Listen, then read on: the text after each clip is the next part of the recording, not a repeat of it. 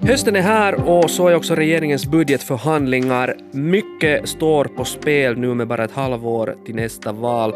Trycket på att staten borde gå in och hjälpa alla dem som nu drabbas av de höjda priserna ökar samtidigt som statsskulden växer. Så vem vinner? Eh, prispopulismen eller skuldskräcken? Kan, det vill säga regeringen, köpa sig en ny seger med lånade pengar eller borde den börja tänka bortom nästa val? Det här ska vi diskutera här i nyhetspodden. Jag heter Johannes Taberman och med mig har jag Svenska Yles politikreporter Magnus Svanjung. Hej på dig! Hej! Som sagt, det drar ihop sig till budgetförhandlingar igen. Uh, hur svåra och långa förväntas de bli? Jag menar, ska man förvänta sig elektrisk stämning vid förhandlingsbordet? Ja, här, här är å ena sidan så kan man säga att regeringen är under extrem press mm. uh, från många olika håll.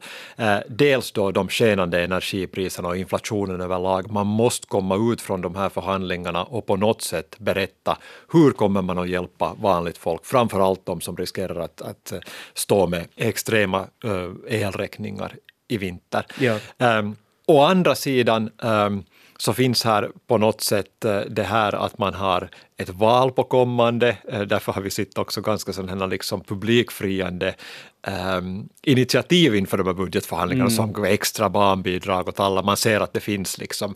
Uh, men sen här finns här lite ideologiska motsättningar, ska man liksom stödja alla ska man fria till alla väljare eller ska man verkligen stödja de som har minst inkomst? Det här finns lite sånt här och, och eh, här ligger också klimatkrisen i bakgrunden. Uh, någonstans finns det kanske ett, uh, en förhoppning om att man ska komma ut med någonting om hur man ska lösa den här vårdarkrisen. Uh, men samtidigt så så ser vi inte att man laddar upp inför något praktgräl, det finns det liksom inga tecken på. Så inget större drama att förvänta och inte kanske liksom några regeringskriser och sånt här, men just det här att, att jag menar, de finländska konsumenternas tilltro till sin egen och till Finlands framtid är, är liksom rekorddyster nu och folk förväntar sig att staten nu ska komma och, till undsättning så att de just klarar av vinterns äh, stigande priser. Så jag menar, det här måste ju just sätta extra press ändå på att man kommer ut med någonting konkret.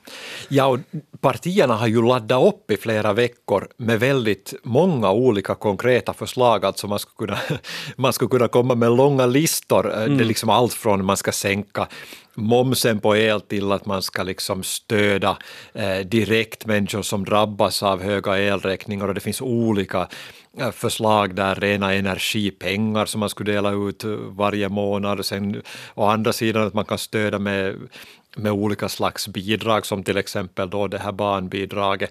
Och någonstans eh, måste man ju ändå välja, men, men nu kommer man alltså då inför budgetförhandlingarna att få, eh, åtminstone när det gäller de här energifrågorna, ett förslag från en, från en arbetsgrupp som man då sen ska uh, gå vidare på.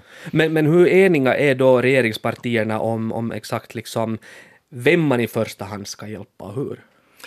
Ja, alltså det här är väl kanske den, den stora uh, konflikten här när man har lyssnat på hur regeringspartierna har positionerat sig under de senaste uh, veckorna. Mm. Alla säger nog gärna att vad vi än tar till för åtgärder uh, så ska det rikta in sig på låg och medelinkomsttagare.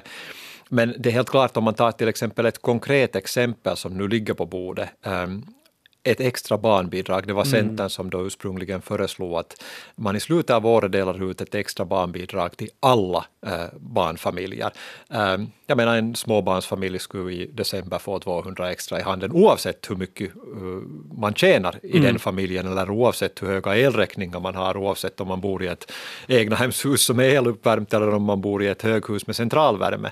Um, Medan å andra sidan så har vi till exempel Vänsterförbundet och de gröna som har sagt att ja, stopp och belägg att borde man istället fundera på att hur man verkligen kan hjälpa dem som har det allra sämst och då kanske man snarare skulle eh, justera eh, de här tilläggen för de som har barn, eh, tilläggen till eh, utkomststöd, arbetslöshetsdagpenning eh, och så vidare medan sossarna som ska försöka på något sätt uh, sy ihop det här med mm. statsminister Sanna Marin på något sätt har lite balanserat här emellan, att man utesluter inte höjda barnbidrag men kanske det skulle vara liksom uh, fiffigare att komma med något lite sådana här mera komplicerade lösningar här. Ja, det där barnbidraget, det, jag menar, det, det gör man ju lätt rubriker på, det låter bra så här, en trevlig julklapp åt alla, medan staten kanske borde se lite över sin skuldsättning, så mera riktade åtgärder kanske smartare, och då kommer det just att vartåt riktar man dem, och då tänker jag liksom med ett halvår till valet, så då är det väl de egna väljarkretsarna man riktar sig helst mot. Det är ju det här som är den på något sätt svåra eh, ekvationen här nu. Eh, vi har en stor inflation, eh, vi har Eh, energipriser som skenar.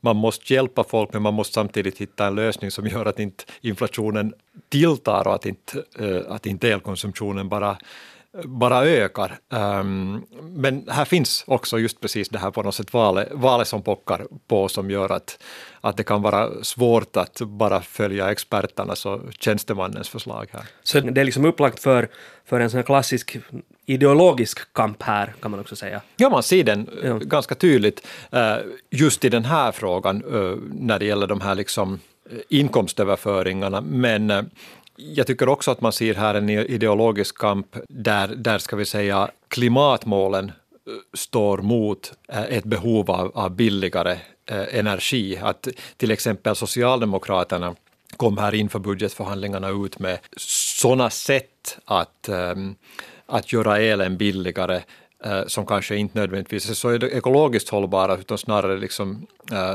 syftar till att få ut mera energi på marknaden. Uh, öka utsläppsrätten. Öka utsläppsrätten, det är ju inte sånt som man mm. beslutar om i regeringens budgetförhandlingar, Nej. men man kan komma med någon slags politiskt budskap därifrån i varje fall. Det är sånt som besluts på EU-nivå. Men också att ta i bruk uh, mera kol och torv och, och, så vidare för att öka elproduktionen. Och då har vi å andra sidan liksom Vänsterförbundet och de gröna igen framför allt som liksom bromsar det här.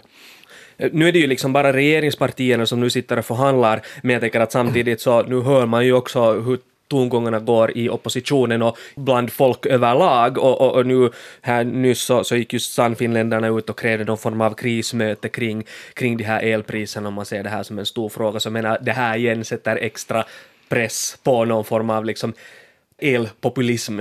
Ja, men det sätter åtminstone press på något sätt att man måste komma med någonting. Ehm, och, man måste också komma med någonting som verkligen eh, känns i, i konsumenternas eh, plånbok, därför att annars kommer oppositionen att gå ganska hårt åt regeringen. Nu vet vi att ett realistiskt förslag till exempel som, som troligen kommer att gå igenom är att man sänker momsen på el, um, vilket säkert sänker elpriserna men det är väldigt marginellt ändå för de som uh, står med väldigt höga räkningar för eluppvärmning.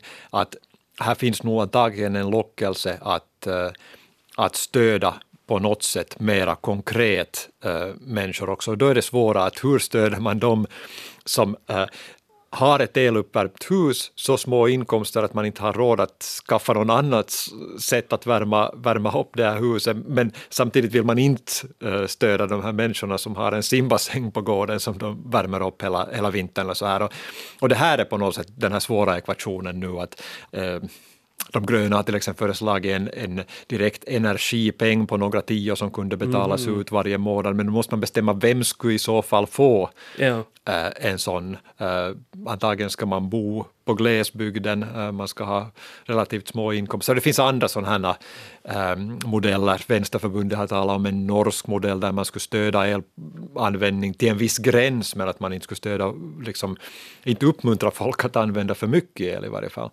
Jo, jo, och just för att om man börjar pumpa in pengar i form av direkta kompensationer så, så kanske det folk inte liksom uppmuntras till att se över sin energiförbrukning.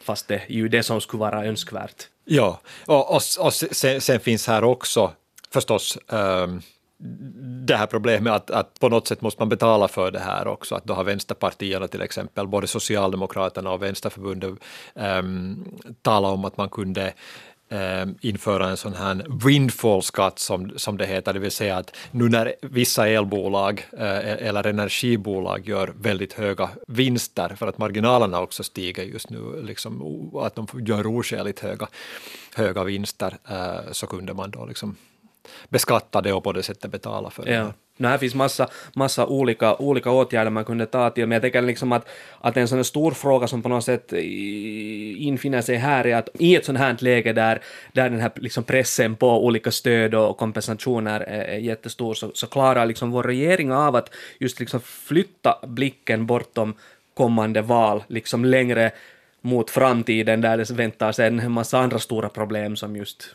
till exempel klimatfrågan. Ja, alltså sista budgeten före ett riksdagsval mm. är sällan ett riktigt bra läge att, att titta långt in i framtiden. Det, det är kanske den eh, representativa demokratins största problem. Eh, det är klart att här finns en lockelse att göra en valbudget där man på något sätt friar till väljarna. Eh, enligt finansministeriets eh, förslag, budgetförslag som man nu då bygger på möjligen med med många saftiga miljoner till eh, så får vi ett underskott nästa år på 6,3 eh, miljarder. Mm. Att, att det här målet att balansera statens ekonomi så det skjuts ju liksom hela tiden uh, på framtiden. Ja. Samtidigt så, så har man hela tiden de här kriserna att skylla på. Det var coronakrisen, nu är det kriget i Ukraina och så vidare. Jo, jo jag menar att det talas ju nu mycket om, om vår liksom privata ekonomi och hur pengarna ska, ska räcka till, men, men hur mår Finlands ekonomi?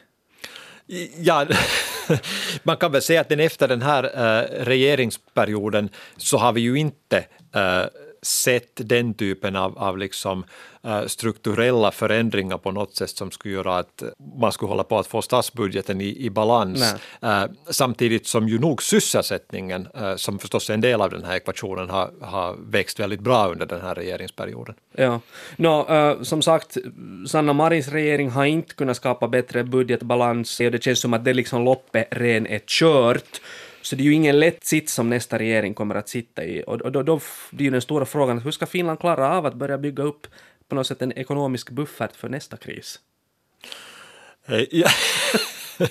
det, ligger det alls på agendan liksom? Jag tror inte att det ligger på agendan i de här uh, budgetförhandlingarna. Samtidigt har man ju nog bestämt um, att uh, skära i sådana uh, löpande um, utgifter, eh, x antal hundra miljoner, det var sånt som man, som man spikade i, i budgetramarna i våras, men det är bara att det liksom eh, det försvinner på något sätt i den stora ekonomiska eh, katastrof som har kommit till på grund av, av de här kriserna helt enkelt. Um, så det blir nog nästa regeringshuvudbry. Magnus Svanung, tack igen för att du kom hit och redde ut vad som händer här på politikfronten. Tack. Du har lyssnat på nyhetspodden från Svenska Yle med mig Johannes Taberman. Ami Lassila är producent, Anne Heikkilä skötte tekniken. Fortsätt lyssna på oss.